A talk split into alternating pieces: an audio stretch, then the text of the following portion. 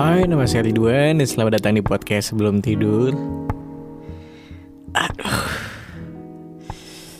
Mau tidak mau saya harus berbahasa basi dulu di malam ini karena ada banyak sekali rencana di podcast sebelum tidur yang sepertinya jadi berantakan gitu ya teman-teman. Uh, kalau misalnya kamu pendengar setia gitu ya, mungkin kamu udah tahu kalau beberapa episode sebelumnya aku nggak sendirian. Aku ditemenin sama sahabatku atau Alihwan gitu. Dan memang ceritanya mau bikin season 2 kayak gitulah barengan Natal gitu karena aku juga merasa bosan sendirian.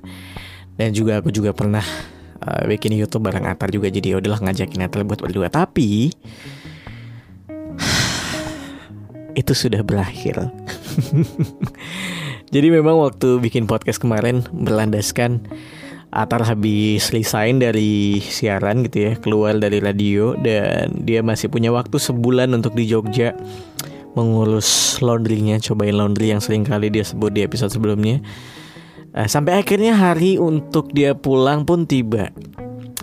Nah, berkali-kali tuh kita uh, janjian buat. Sebenarnya ketemu sering kita main tuh sering ketemu. Cuma memang tempat buat uh, bikin podcastnya agak repot karena kadang aku bikin di kantor kan. Ini juga sekarang aku bikin di kantor.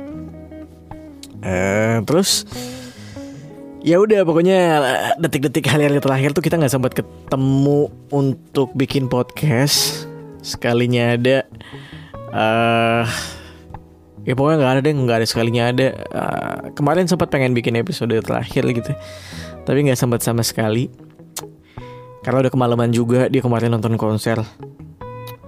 Juga di sini jadi nggak sempat gitu. Nah akhirnya ya sudah saya balik lagi sendirian di sini tanpa ada siapa-siapa lagi. Tapi mungkin bukan berarti nanti nggak ada siapa-siapa ya. Mungkin aku akan ngundang tamu yang lain gitu. Tapi tidak ada atar lagi teman-teman. Tapi ya udah nggak apa-apa. Dan malam ini kalau udah sendiri tuh kadang aku sebenarnya susah. Bingung aku mau ngomongin apa, tapi akhirnya aku tadi mikir aku kayaknya mau membicarakan soal idealis atau realistis gitu. Karena kayaknya ini lumayan dekat sama kita aku atau kamu yang mungkin sedang berada di usia 20-an uh, yang mana berada di dalam momen-momen pengen ngikutin keinginan atau ngikutin uh, kebutuhan gitu. Maksudnya entahlah itu orang tua maunya apa atau mungkin uh, dulu aku aku sering banget dibilang uh, ayahku ketika aku tanya uh, pak bagusnya bagusnya Ridwan masuk jurusan apa ya kuliah waktu SMA carilah kira-kira jurusan yang kira-kira itu benar-benar dibutuhkan dalam beberapa tahun ke depan gitu uh, terus aku nggak bisa mikir karena memang wawasanku cetek pada saat itu. Um, aku yakin pendengarku banyak banget yang muda-muda gitu ya. Uh, kalaupun tua mungkin tidak selisih jauh dibanding usia aku gitu. Nah, buat kamu yang muda-muda uh, ngerasa punya banyak cita-cita, jalanin aja men, teman-teman serius. Uh, gini, aku cerita sedikit pengalamanku dulu waktu SMA uh, eh, dari SMP bahkan uh, eh, SMA tuh aku nggak tahu mau masuk kuliah apa teman-teman? Dan yang ada di kepalaku minimal aku kerja di kantor. Paling tidak aku menjadi pegawai kantoran aja. Yang yang aku tidak tahu gambarannya apa gitu. Maksudnya kantor apa aku nggak tahu. Memang wawasanku cetek pada saat itu. Ya udah aku masuk ekonomi aja deh. Pokoknya kuliah ekonomi jadi sarjana ekonomi terus aku jadi pegawai kantoran. Nah pada saat itu juga kenapa aku bisa berpikir seperti itu uh, karena aku nggak tahu aku bisanya apa sama sekali aku sempat uh, ngerasa kayak Uh, alhamdulillah aku ngelihat bapakku karirnya ya alhamdulillah masih bisa ngebeliin anaknya yang senang-senang lah masih bisa nyenengin anaknya lah gitu. Terus kadang aku mikir zaman SMA dulu tuh nilai-nilai aku tuh jelek. Uh, dibilang jelek banget sih enggak ya. Cuma bisa dibilang di sekolah tuh aku jadi anak yang biasa-biasa aja gitu. Gak pinter, gak bego-bego banget, tapi jelek lah. Ya pokoknya jelek lah tidak ada kecondongan untuk ini anak bisa sukses gitu. Aku bahkan ragu sama diriku sendiri waktu SMA kayak aku bisa sukses nggak ya? literally sukses yang ya aku bisa membeli apa pun yang aku mau gitu aku nggak tahu men takut banget aku waktu SMA karena matematika nggak bisa. Pokoknya gitulah. Banyak hal-hal pelajaran yang ternyata aku nggak pintar banget. Geografi pun aku nggak bisa. Aku kan anak IPS ya. Kemudian sosiologi juga nggak pintar-pintar banget. Ekonomi juga ternyata nggak pintar-pintar banget gitu. Cuma yang aku tahu memang waktu SMA dulu bahkan dari SMP aku tuh paling demen banget kalau ada pelajaran bahasa Indonesia.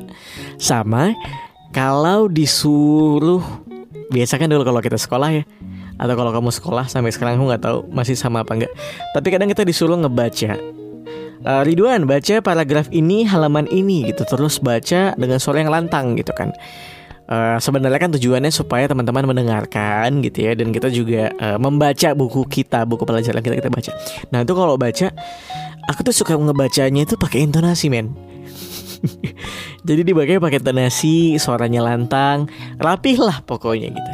Suka banget nggak tahu kenapa tapi tidak ada kecenderungan yang uh, ke arah komunikasi karena aku tidak tahu sama jurusan. Waktu kelas 1 tuh aku masih belum tahu banget.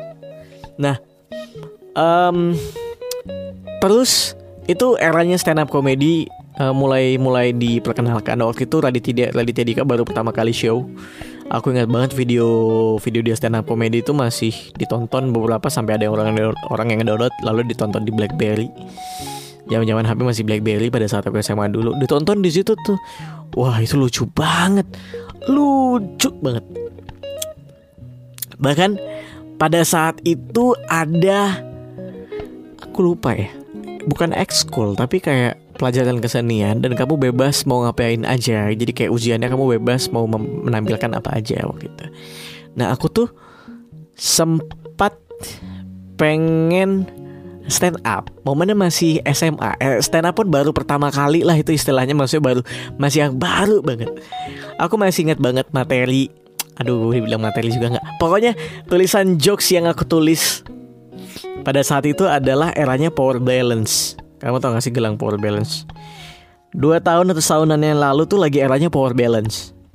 Katanya gelang itu ngebikin keseimbangan tubuh dan lain-lain Kan gosipnya gitu ya Mitosnya kayak gitu ngebikin kamu jadi lebih kuat gitu dan lain-lain Walaupun aku gak tahu sih kayaknya gak bener uh, Dan aku masih ingat waktu itu ketika pengen disuruh tampil Aku tuh pengen banget tampil gitu Ngelucu di depan kelas Yang aku tulis adalah uh, saya tuh heran teman-teman. Kira-kira kayak gini ya, bah uh, apa jokesnya. Saya tuh heran teman-teman. Kenapa sih dulu gelang power balance itu kayaknya rame banget. Orang-orang pada make, pada heboh katanya gelang power balance ini bisa meningkatkan uh, stamina kita dan bahkan menjaga keseimbangan tubuh gitu. Nah saya heran kenapa gitu.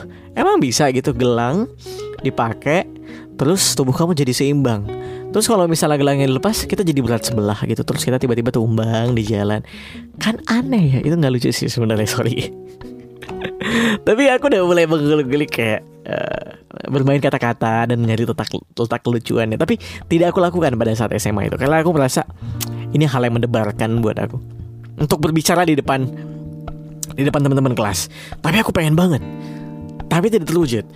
Sampai akhirnya uh, aku mencari-cari, mungkin aku udah cerita ini juga di episode sebelumnya. Aku ngeband, ngeband sampai akhirnya aku juga pengen apa aku kuliah jurusan musik aja ya, tapi prospeknya ke mana nih gitu? Apakah aku benar-benar bisa laku di industri musik apa enggak? Sampai akhirnya aku udah menutup. Um, terus juga momen-momen Sweet Seventeen uh, teman-temanku tuh pada bikin acara ulang tahun biasa cewek-cewek dan kadang dia nyari MC MC-nya akhirnya kadang teman-temannya yang hmm, di kelas tuh suka ngelucu paling heboh lah di kelas ya. Uh, ya biar MC-nya tuh temanku. Dia emang paling paling heboh lah di kelas suka ngelawak dan lain-lain. Tapi tidak ada base komunikasi komunikasi gitu. Maksudnya tidak ya kita semua SMA mungkin pada saat zaman aku dulu nggak begitu yang aku di Pontianak kebetulan uh, penyiar dunia penyiar radio dan lain-lain broadcast tuh masih belum terlalu dekat sama aku. Sekolahku juga mungkin agak kurang gimana gitu ya. Uh, terus ngelihat temanku ini jadi MC uh, eh, kadang dengerin dia ngomong segala macam aku tuh ngelihat dia tuh kayak main aku bisa lebih bagus daripada ini gitu.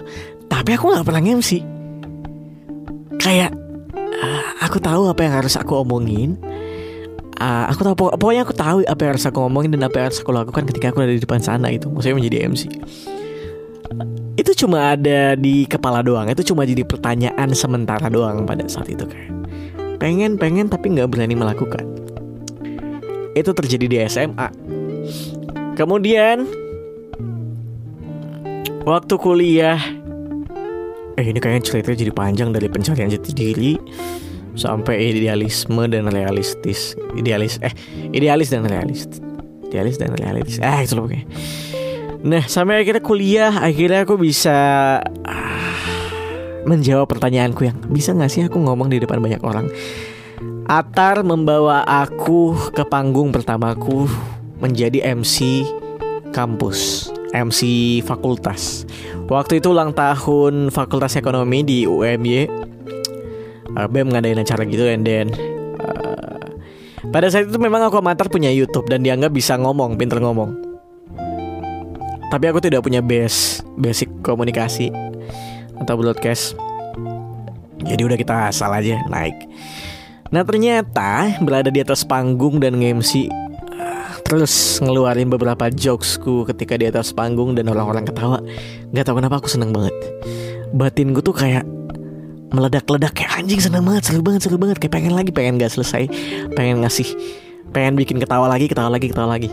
Nah di situ dimulai akhirnya kayak anjing kenapa aku nggak ngelakuin ini dari dulu dari dulu? Akhirnya aku ngelakuin itu sampai sekarang berjalan terus sampai sekarang dan aku bahkan sekarang kerja di radio menjadi penyiar. Uh, dan sekarang aku punya podcast juga dan beberapa kali aku nge-MC acara-acara.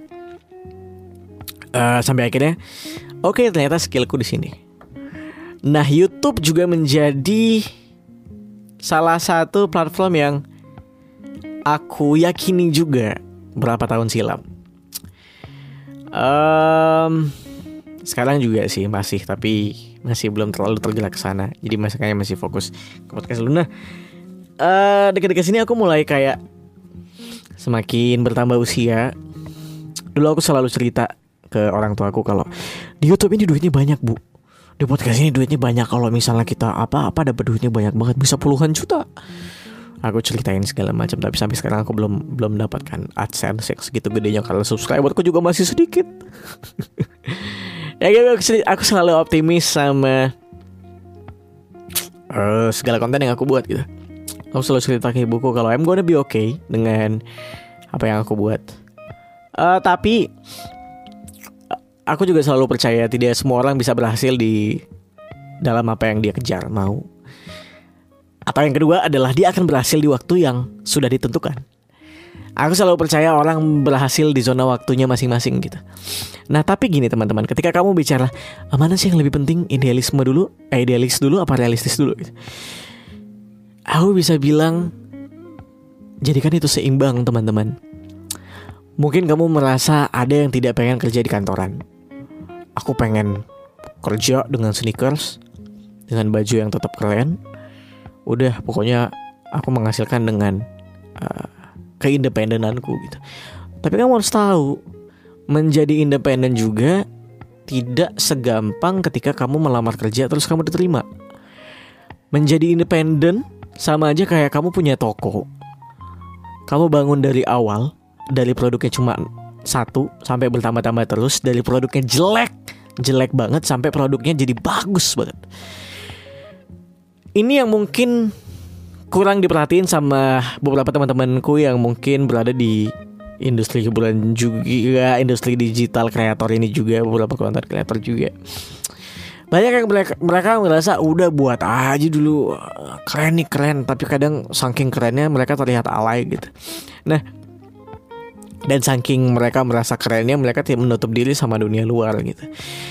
Gini ya aku tuh kemarin sempet tidak mau bekerja di kantoran segala macam. Udah pokoknya aku mau gini aja berjuang dengan eh, apa yang sudah aku buat lah segala macam. Menghasilkan memang industri hiburan, industri digital ketika kamu berkarya sendiri independen tuh menghasilkan kalau kontenmu bagus, platformmu rame yang dengerin, dan klien juga pada ngelirik ke kamu. Tapi kalau misalnya tidak tidak menghasilkan uang sama sekali gitu. Nah, Uh, maksud aku adalah kenapa aku bilang balance. Kalau kamu berada di titik yang kamu mungkin uh, sudah selalu konsisten bikin konten, ya ya kita bicara industri ini dulu. Ya. Kamu udah udah menyalurkan semua hobi bakat kamu, passion kamu lah itu yang kamu suka banget. Uh, tapi ternyata belum menghasilkan uang juga. Meanwhile sekarang kayak aku gini udah berada di usia-usia yang seharusnya sudah bisa memiliki pendapatan sendiri, menghasilkan penghasilan sendiri mau tidak mau, gengs. Kamu harus nurunin idealismu sedikit itu untuk menjadi realistis sedikit. Ikutilah realita kalau kamu juga harus menjadi budak korporat. Kayak aku habis ngobrol sama beberapa teman-teman penyiarku yang lain gitu. Uh, berada di industri ini kalau misalnya kamu nggak terkenal terkenal banget kalau misalnya kamu tidak bagus-bagus banget atau kamu tidak lebih ter, tidak lebih apa ya tidak lebih rajin, tidak lebih semangat, tidak lebih kreatif dan lain-lain lah pokoknya. Atau kamu berharap menjemput bola aja, aduh susah duitnya bro, susah banget.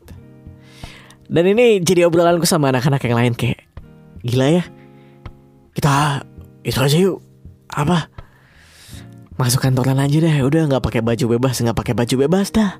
Sikat tuh yang penting duitnya ada gitu. Per bulan tuh udah pasti kejamin gitu. Nah tapi ini dari sudut pandangku ya. Ini dari rencana yang sudah pengen aku bangun banget. Terserah kamu mau ikutin apa nggak gini. Aku nggak bisa mungkirin dari sejak SMA dulu ternyata aku menyadari kalau aku tuh anaknya emang suka banget nge-konten. Bikin apa, bikin apa, bikin apa. Nggak bisa dipungkiri sampai sekarang. Uh, sampai akhirnya aku ngobrol ke Atertar kalau memang ternyata platform-platform yang aku bikin ini belum menghasilkan uang banget, belum cukup-cukup banget duitnya. Ini aku cerita aku sama Ater, aku akan tetap kerja. Terus, kau gimana podcast segala macam? Gak apa-apa, aku jalanin juga gitu aku bilang. Jadi aku bekerja untuk kehidupanku. Aku nge-podcast untuk hobiku dengan uh, rutinitas yang terjaga, konsisten konsistensi yang terjaga juga. Supaya apa? Supaya uh, kerja di kantoran memenuhi uang kebutuhan sehari-hari ada. Katakanlah memang uh, keindependenanku ini entah nge ku atau podcastku atau apa pun itulah segala yang aku kerjakan di luar ini uh, juga bisa menghasilkan duit kan lumayan ya bisa buat jajan apalah setidaknya bisa buat beli barang-barang gadget-gadget yang lucu lah segala macam ini lumayan banget. Nah makanya kalau misalnya kamu juga berada di posisi yang sama aku bingung nih kak menjadi orang kantoran juga aja atau mengikuti Oh industri kreatif nih sesuai aku mau. Entah apa pun itulah terserah kamu. Kalau memang duitnya belum gede-gede banget Jangan minder. Jangan Jangan ngerasa gengsi gitu Untuk akhirnya menurunin idealismu Untuk menjadi realistis. It's okay kok. It's okay Karena menurutku Main namanya manusia Pasti berproses kan. Akhirnya pola pikirmu berubah. Ya sama kayak aku. Aku juga dulu berapi-api coy. Aku pokoknya pengen kerjanya independen aja. Terserah aku mau kerja kapan. Uh, bikin konten bikin konten nanti duitnya ada segala macam. Tapi aduh percayalah yang namanya freelance namanya independen kalau kamu tidak cekatan tidak kreatif kreatif banget tidak terkenal terkenal banget it's gonna be hard gitu loh. Sangat susah makanya pinter-pinter lah Gitu kita kira teman-teman Yang mungkin bisa aku sampaikan ke kamu Dan mudah-mudahan ini bermanfaat Kalau misalnya kamu sekarang juga lagi di antara di antara posisi kayak gitu. Eh tapi satu yang pengen aku sampaikan buat teman-teman yang mungkin masih muda-muda, masih kuliah-kuliah semester awal, masih SMA bahkan. Ini satu pengalamanku yang ternyata aku menyesali tidak melakukan itu dari dulu adalah eksplorasilah sebanyak-banyaknya. Bahkan seusiaku aja yang masih 20 ya 20-an kayak gini aku juga masih pengen bereksplorasi lagi sebanyak-banyaknya. Macam-macam eksplorasinya. Sekarang aku lagi suka motor. Uh, dari motor kira-kira apa yang pengen aku buat apa bikin apa ya konten apa ya konten apa ya. Jadi selagi kamu masa muda lakukanlah hal-hal yang kira-kira kamu penasaran kamu tertarik untuk ngelakuinnya. Uh, aku nggak tahu apa yang terjadi kalau misalnya aku bener-bener stand up komedi waktu SMA dulu dan sampai sekarang aku nggak pernah stand up komedi sama sekali. Udah takut gitu ya mentalnya udah jatuh banget udah takut. MC aja deh kalau misalnya mau ngomong di depan banyak orang. Tapi kalau misalnya kamu melakukan itu dari dulu dari awal dari muda ketika dari muda kamu udah melakukan itu semakin tua kamu experience-mu semakin gede. Dan alhamdulillah skill kamu juga makin gede. Gak sedikit aku punya temen yang kayak gini. Aku punya temen namanya Eki. Uh, Dia kelas aku kenali dari kelas 5 SD aku nggak tahu dia dengerin apa enggak tapi ya udahlah.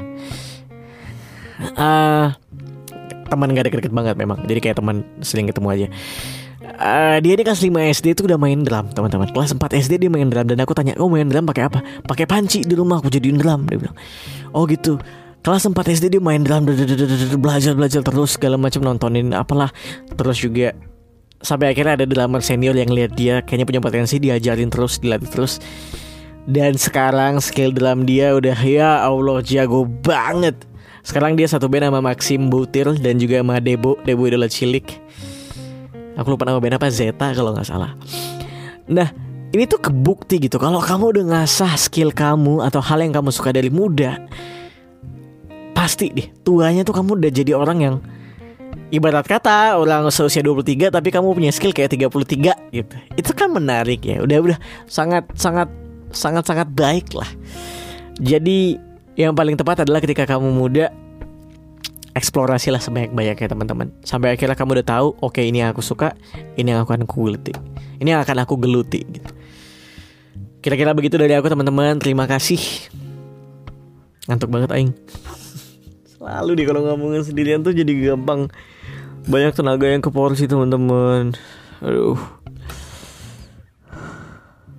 Sorry ya sorry ya sorry ya. Anyway aku pengen terima kasih buat kamu yang masih aja dengerin podcast sebelum tidur uh, senang sekali kalau misalnya ada yang email terus bercerita. Uh, bercerita tentang pengalamanmu yang mungkin bisa aku naikin juga di episode podcast podcast sudah episode podcast sebelum tidur. Kita ngobrol bareng. Atau apa pun itu yang pengen kamu sampaikan ke aku. Kalau gitu selamat malam, selamat beraktivitas, selamat tidur kalau misalnya masih aja beraktivitas dan sampai ketemu lagi di episode selanjutnya. Aku Ridwan Hadoko dan bye